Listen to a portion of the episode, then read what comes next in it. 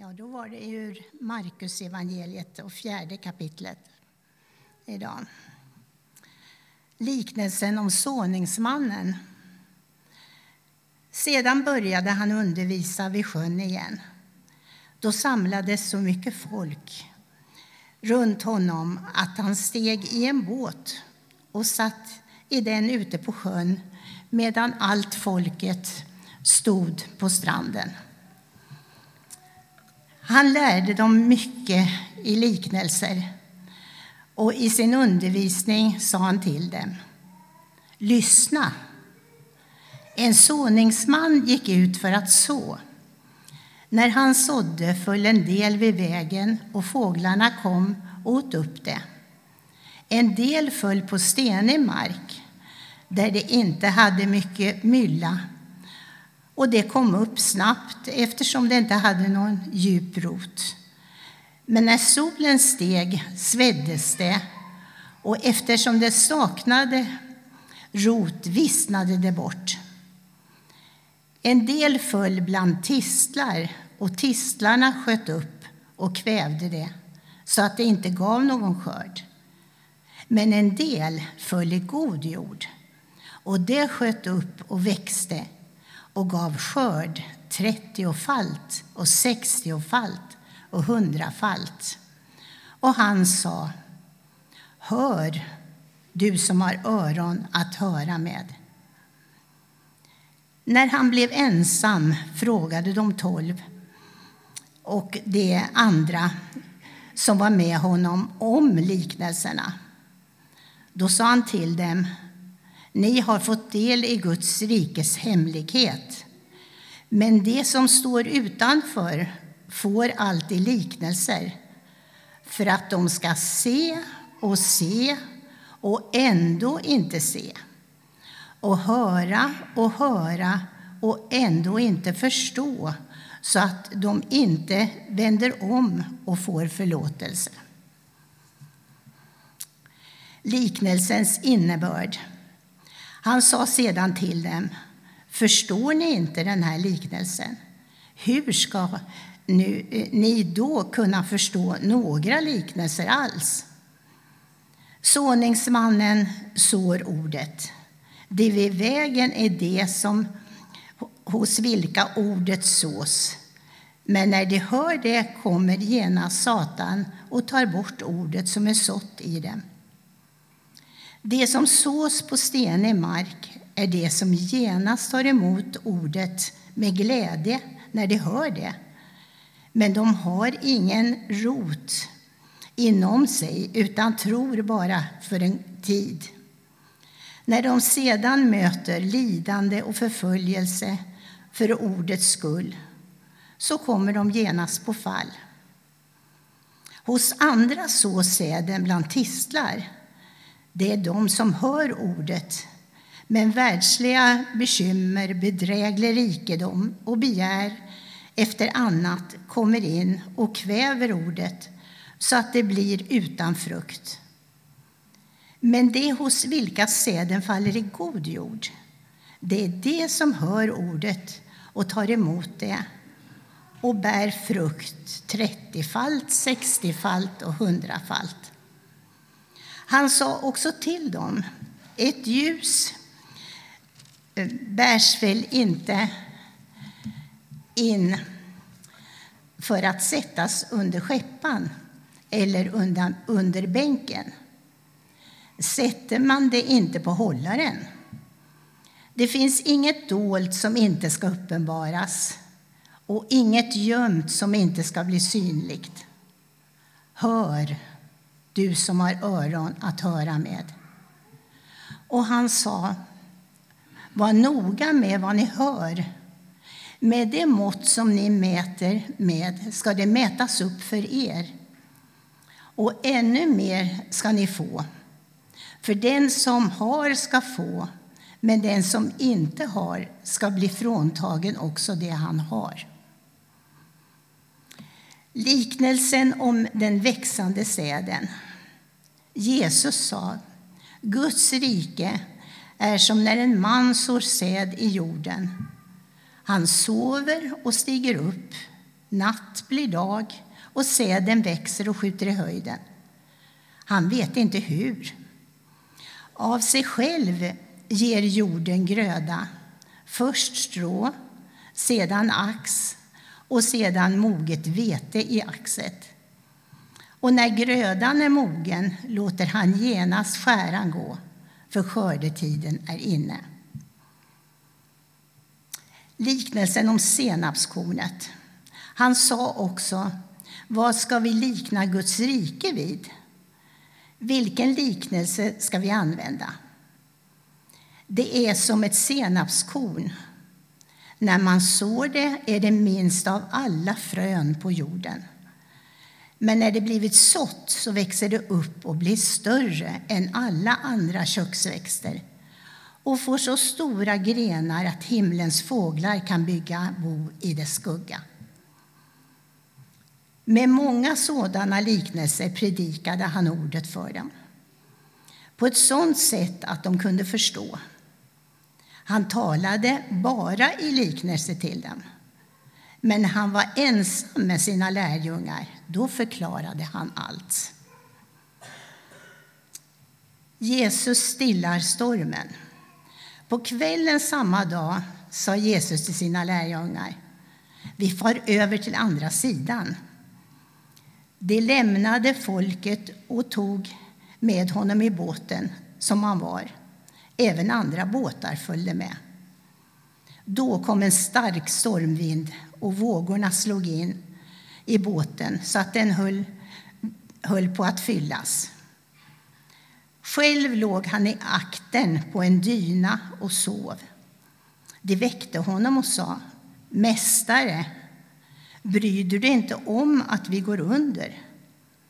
Han vaknade och talade strängt till vinden och sa till sjön, Tig, var tyst. Då la sig vinden och det blev alldeles stilla. Han sa till dem, varför är ni så rädda? Har ni fortfarande ingen tro? Då greps de av en stor fruktan och sa till varandra, vem är han? Till och med vinden och sjön lyder ju honom. Tack Kristina. Vi har ju valt att under vår vandring genom Markus evangeliet kalla den här eh, vandringen för Följ mig. Alltså Jesus säger till oss Kom och följ mig. Och den utmaningen, den uppmaningen, den uppmuntran, den har vi liksom med oss när vi förbereder våra predikningar. Att vi vill utgå från det att Jesus säger följ mig. Kom och var med mig, gå med mig. Och Därför så tänker jag det att du, du idag kanske och förra gången eller någon av de här söndagarna så kanske du kommer tänka det var inte den här delen jag hade satt fokus på i det kapitlet. Det är helt okej okay att du tänker så. Men vi har försökt liksom lyssna in också vad Gud leder till och vad vi kan lära oss som lärjungar. Och idag så har vi Markus evangeliets fjärde kapitel framför oss. Det här kapitlet innehåller det längsta stycket liksom undervisning på en gång i hela Markus evangeliet. Vers 1 till 34. De här liknelserna och också uttydningen som Jesus ger där. Markus han brukar ofta liksom stoppa in små ögonblick, små stunder av undervisning i berättelsen han berättar. Men här är det lite längre och det här är det längsta då. Och då är det kanske inte så konstigt att det just handlar om det som han menar är Jesus huvudbudskap. Jag har pratat om det två gånger. Är det någon som kommer ihåg vad det är? Guds rike. Exakt. Han berättar, och här så är det som en liten följdfråga nästan. Hur växer Guds rike? För det är som att det är det han säger Jesus, att det är på de här olika sätten han berättar med de här liknelserna. Och liknelse det är ju ett väldigt vanligt sätt att undervisa på den här tiden. Därför att det var väldigt liten del av befolkningen som kunde läsa och skriva. Så att skicka ut ett, liksom, det här är vår undervisning och så får man något i handen, det var inte så mycket värt. Men att berätta någonting som är lättare att minnas, att det sätter sig här uppe. Det är bra undervisning. Så därför jobbar Jesus med det. Men i det här kapitlet så märker vi också att på ena stunden så står det han berättade liknelser för att de inte skulle förstå. Och nästa stund står det han berättade liknelser för att de skulle förstå. Så någonstans är det både och här. Jag tror att grunden är att de ska minnas vad berättelsen säger. Men också att det finns en utmaning i det som kanske inte alla kommer fatta. Och jag skulle kunna ägna fyra predikningar lätt åt de här liknelserna som Jesus berättar. Så därför gör jag inte det idag. Det som jag vill sätta fokus på den här predikan är den sista delen av kapitlet. Att Jesus stillar stormen. Tidigare i kapitlet har vi liksom anat, det finns referenser till Gud den allsmäktige. Gud den allsmäktige väljer att bli människa i Jesus. Jesus visar att han är Gud den allsmäktige genom mirakler han utför, men också genom detta. Det här är som en slags maktdemonstration. Jesus stillar stormen.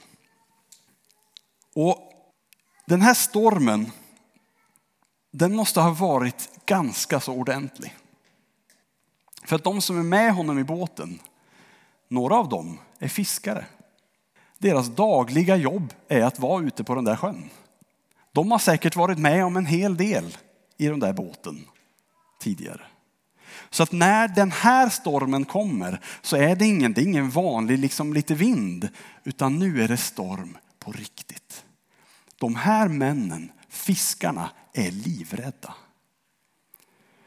Och då tänker jag så här, i det här sammanhanget så står det, lärjungarna går från att vara rädda för stormen och i slutet så står det att de var rädda för Jesus.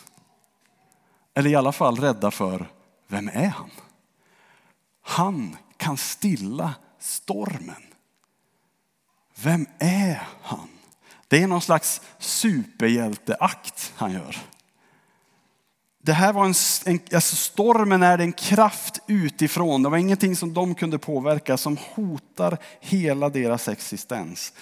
Det är inte kul att befinna sig där. Men intressant är att de frågar, vem är han? De blir räddade, men då blir de också rädda för honom. Men vi vet att han är Gud den allsmäktige. Som kommit till jorden för att rädda. Storm. Har du varit i en sån storm någon gång när det blåser så att du inte riktigt, liksom, du kan inte kontrollera vart du ska gå någonstans. Eller om du sitter i en båt. Du kan inte kontrollera var den ska ta vägen. Har du varit i en sån storm någon gång?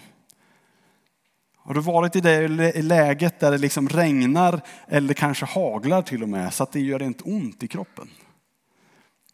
Eller har du varit i en storm som man tänker så här, hur ska det gå med mitt hus? Med mina tillgångar, med det som finns här. Jag, kan, jag vet inte vad jag ska göra. Vad ska hända? Eller när strömmen försvinner. Jag har ingen aning om när strömmen kommer komma tillbaka. Har du varit i en sån storm någon gång? Eller har du varit i en storm som rör sig så pass mycket på insidan att det billigt talat blåser så att du inte vet hur du ska kunna ta stegen framåt. Eller att du upplever att du inte ens ska kunna orka ta nästa steg. När det gör ont fast av saker på insidan istället för hagel. En storm som gör dig orolig, rädd. Inte för fysiska saker kanske, men vad det ska få för konsekvenser, det som rör sig på insidan. Kanske har du känt en sån storm som gör att hoppet falnar. Kanske försvinner och du inte vet hur du ska komma tillbaka. Kanske kan stormen sägas vara lidande. Lidande refererar Jesus till i liknelsen om såningsmannen. Lidande mina vänner, det är inget trevligt. Det kommer på olika sätt och det kommer av olika skäl in i våra liv. Men jag tror att lidande faktiskt är en del av livet. Om vi lever i föreställningen att det inte är det så kommer det bli väldigt jobbigt för oss i livet. Lärjungarna, de som åker i båten, de tolv utvalda, de som vi läste om och pratade om förra veckan, att de hade fått, de är apostlarna. De är liksom de som har makten i ryggen. Gud själv, den allsmäktige Jesus Kristus har gett dem uppdraget som han själv har fått och sagt ni ska gå ut och göra det jag har gjort. Ni har min makt i ryggen, ni har full makt från mig. De sitter nu i båten. De är de som blir livrädda.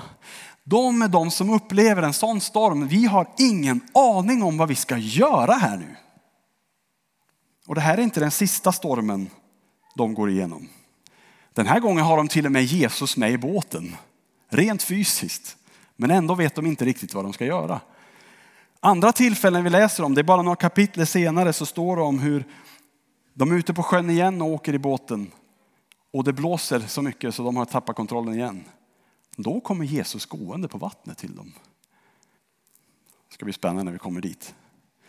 Vi vet också att Petrus i slutet på evangeliet, kapitel 14, så berättas det om att Petrus själv förnekar att han ens känner Jesus. Han sviker Jesus. Och det mina vänner, det är en storm på insidan. Han går igenom en storm på insidan där. Och sen ser vi, och vi har hört berättat om lärjungarna, deras fortsatta historia är inte direkt enkel. Det är förföljelse, de blir satta i fängelse, de är till och med dödade för sin tro. Stormen påverkar lärjungarna, de tolv utvalda. Inte ens Jesus slipper undan stormen. Jesus går igenom korsfästelsen. Hans storm i livet. Så då tänker jag, vilka är vi egentligen att tro att vi ska kunna gå igenom livet utan lidande, utan storm? Jag tror inte att det är riktigt möjligt. Du och jag kommer hamna någon gång i stormen. Och jag vet att det finns människor här inne som går igenom en storm just nu. Naturligtvis kommer jag inte nämna någon av er vid namn här framifrån, det skulle jag aldrig göra. Men jag vet att du finns här. Och jag vill säga till dig, det första, du är inte ensam. Om du tror, om du på något sätt fått en tanke i ditt inre att det är bara jag som går igenom det här, det är bara jag som har varit med om det här, eller du tror att du är ensam i det. Det är inte sant. Det är en lögn, tro inte på den. Du är inte ensam. Stormar är en del av livet som vi går igenom. Och jag har vid några tillfällen berättat om det som för mig var mitt livs värsta storm. Ja, det var vid julen 2016. Jag och Josefina och, och vår dotter Wilhelmina som då var två år hade flyttat till Västerås. Vi bodde där. Och en, liksom en detalj i sammanhanget var att vi hade fått en lägenhet som liksom var så här tillfälligt boende. Vi trivdes inte särskilt bra där. Så det var lite kämpigt. Men vi hade mycket som var bra också. Det största av allt var att vi precis hade berättat för Wilhelmina att hon ska få bli stora syster. Vi hade berättat för henne att du, du, vi ska få ett till barn, du ska bli stora syster. Men så två dagar före julafton så dör barnet i magen.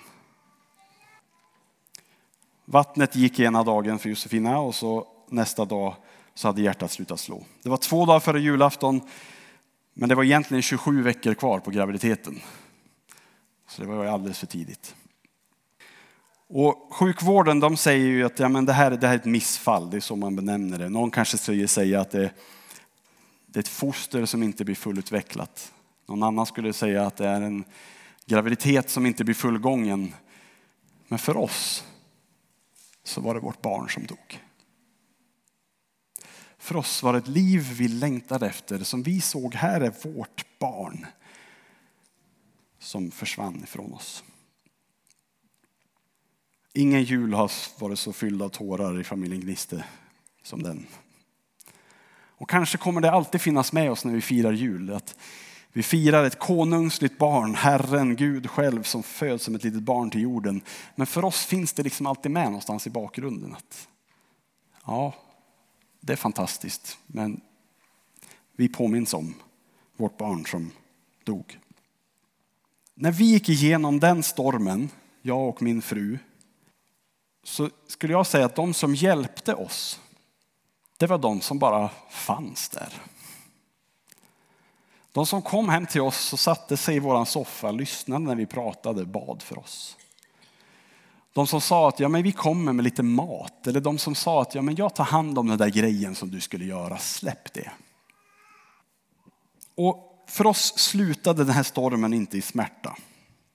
Stormen tog oss inte.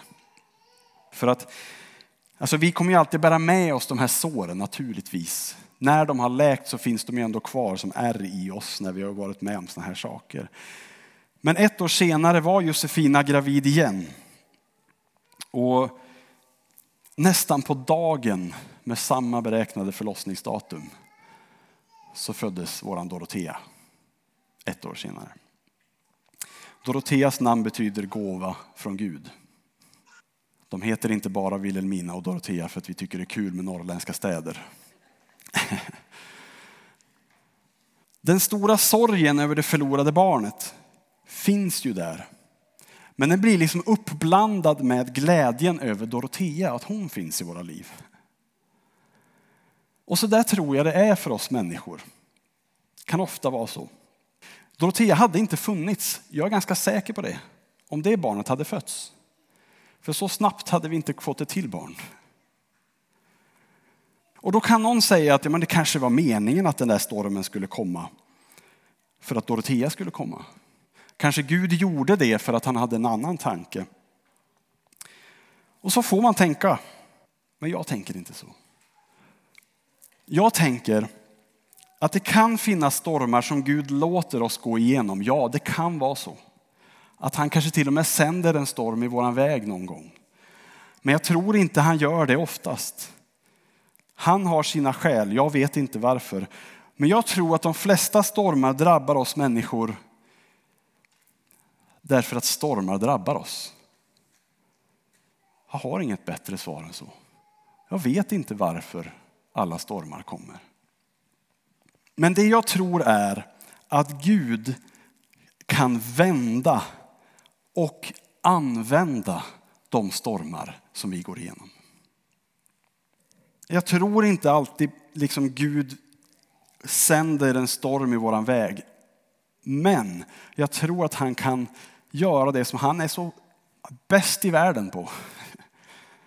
Om nu Gud kan vara bäst i världen eftersom han inte är i världen. Men han är bäst på att vända det som är ett elände för oss till någonting vackert, till någonting positivt, till någonting fint. Jag tror inte det var hans mening från början att vårt barn skulle dö, men han kan vända det till någonting annat. Sorgen finns kvar, men glädjen över Dorotea i vårt fall då finns ju också där och den är större än sorgen. Och jag tror också att Gud kan använda stormarna vi går igenom. Jag vet att när jag har berättat det här vid andra tillfällen så har människor kommit fram till mig och sagt, jag har också gått igenom det. Och sen har det kommit människor som har vänt sig till mig därför att jag har varit öppen med detta och sagt, det hände oss nu. Och då har jag en annan förståelse för vad det är de går igenom. Så Gud kan också använda den stormen jag har fått uppleva för att hjälpa andra. Och det är inte jag, mina vänner. Det är Gud. Jag tror att många av er känner, det här känner jag igen. Antingen har du själv gått igenom en storm som du kan ha hjälpt någon annan med. Eller så har du själv känt att du har gått igenom en storm och så har du sett någon annan som har tagit sig igenom något liknande och känt, ja, det finns hopp. Och är det någon som går igenom precis det som jag sa att vi har gått igenom så får du jättegärna komma till mig så kan vi prata. Det går jättebra. Bär dig inte ensam. Det är också en sak jag har med mig från den här berättelsen är att det kommer fram människor som nästan gjorde mest ont i mig var att det kom fram till exempel en dam och berättar vi var med om det här när vi var unga. Aldrig pratat om det med någon. Och så kände jag bara, prata, prata om det. Vi måste göra det. Att gå och bära på en sån grej resten av livet, liksom, det, är inte, det är inte rätt. Det funkar inte.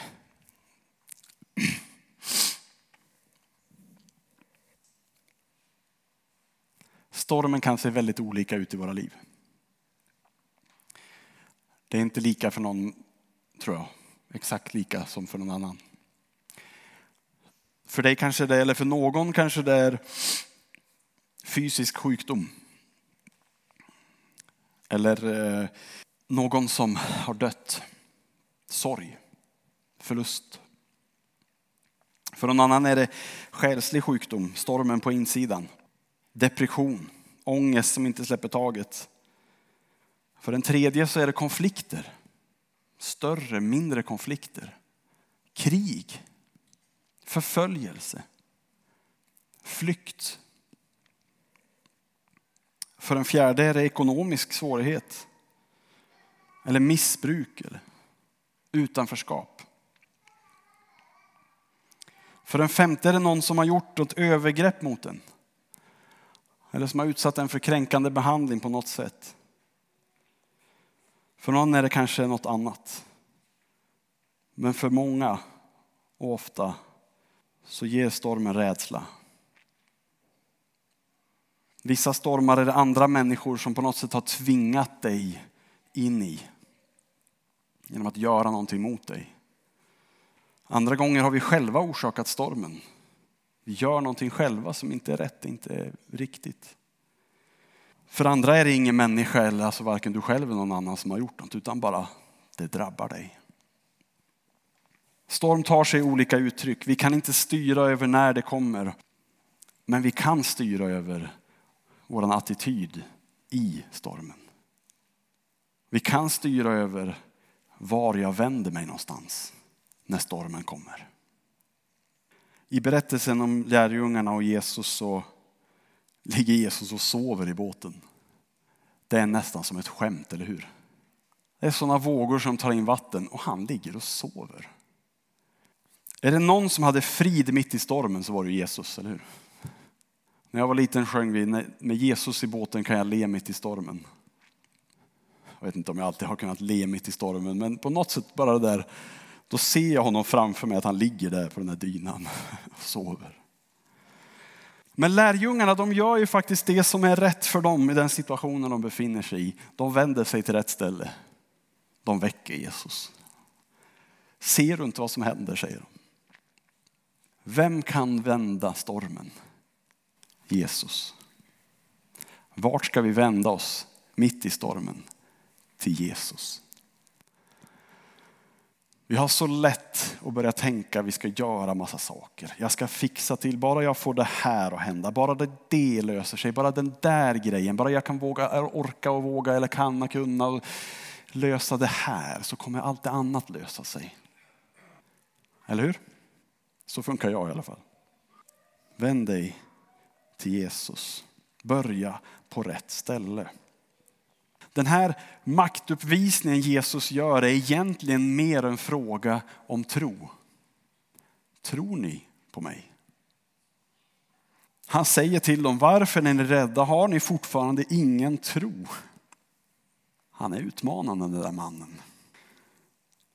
Om du vill följa Jesus, då kommer du få gå igenom stormar i livet. För det gör de som inte följer Jesus också. Det är mänskligt. Men Jesus kan befria dig från stormen. Och framförallt så kan han ge dig frid mitt i stormen. Alltså det Jesus gjorde för mig den stunden när jag bad honom ta liksom den här stormen ifrån mig. Så gjorde han inte det. Ni vet en sorgeprocess, ja, de behöver man gå igenom. Jag behövde sörja. Jag behövde gå igenom den, det liksom, de här stadierna av vad det är att sörja någon som man har förlorat. Så om Jesus hade tagit bort det från mig så hade han gjort mig en otjänst. Och han har också, ni ser ju på mig, ni märker ju på mig, jag har ju fortfarande kvar det här någonstans i mig. Det finns fortfarande ett, när jag påminns om det så sörjer jag ju fortfarande. Men inte så som jag gjorde då. Inte så att den stormen var allt jag hade, utan nu har ju Jesus hjälpt mig, tagit mig igenom. Jag bär minnet med mig, men Jesus gav mig frid mitt i stormen. Jesus ger mig frid efter stormen. I den tidiga kyrkan, de levde under väldigt stark förföljelse. Alltså de första århundradena efter Kristus. Då var det i deras konst var det väldigt vanligt med det här som en bild man använde. Den här texten var viktig för dem. Därför att de var utsatta för hot utifrån som de inte kunde styra över förföljelsen. Och det de gjorde då var att de använde bilden av församlingen som en båt som skumpar omkring i vågorna. Men Jesus finns i båten. Jesu frid finns. De har ingenting att frukta. Ja, jag vet inte vad du går igenom för storm i ditt liv. Kanske behöver du ett, ett gudomligt ingripande för att det ska kunna bli frid. Kanske behöver du själv omvända dig. Kanske behöver du säga ett förlåt eller förlåta. Kanske behöver du be för någon som har orsakat dig smärta. Kanske behöver du hjälp av någon som har gått igenom något liknande. Kanske har du ingen aning om vad du behöver. Oavsett vad du, om du befinner dig i en storm och vad du säger på den frågan så, så har jag en fråga till. Tror du på Gud? Gör du det så önskar jag att du skulle vända dig till just Gud just nu. Och vi, vi kan be själva. Du kan be. Be till Gud. När man ber så kan man få både nytt perspektiv på saker, nytt perspektiv på människor, nytt perspektiv på situationer. Vi har den heliga ande i oss när vi följer Jesus. Den heliga ande ger oss kärlek, glädje, frid, tålamod, mildhet, godhet, självbehärskning, trohet, vänlighet. Det som vi kallar andens frukt kan vara frukten som en storm får bära i ditt liv. Inte för att stormen har kommit, utan för att den helige ande vänder stormen till frukt. Men jag skulle också vilja säga att du kan be själv. Men du kan också låta någon be för dig. Jag önskar du ska förstå vilken skillnad det kan göra att låta någon annan få höra, jag går igenom det här, be för mig. Vilken skillnad det kan göra i ditt liv att få berätta för någon om det du bär. Det är väldigt själavårdande att vara med i en församling. Här har vi möjligheten att vara öppna mot varandra. Berätta för varandra, det här är min storm. Det här är vad jag går igenom just nu. Hjälp mig, be för mig. Jag tror verkligen inte alla ska komma fram och berätta så som jag gjorde. Men att du får ha någon som du kan få berätta för. Låt oss vara sådana mot varandra. Låt oss vara sådana som lyssnar. Låt oss vara sådana som hjälper den som går igenom stormen. Har du gått igenom någonting som du tänker det här kan någon annan nytta av? Be till Gud att han ska leda dig till de människorna så att du kan få vara en hjälp för dem. Jag vet inte exakt vem jag vänder mig till när jag säger det, men jag tror att Gud vill göra något i ditt liv idag. Böj dina knän eller vänd dig tyst till Gud. Gör som lärjungarna gjorde, vänd dig och börja på rätt ställe. Men ta sen också nästa steg, prata med någon. Det måste inte ske här inne precis nu, men gör det någon gång vid något tillfälle. Välkommen alla ni som är här till den allsmäktige som stillade stormen på Genesarets sjö den dagen för 2000 år sedan och som kan stilla stormen i ditt liv, som kan ge dig frid mitt i den storm du går igenom.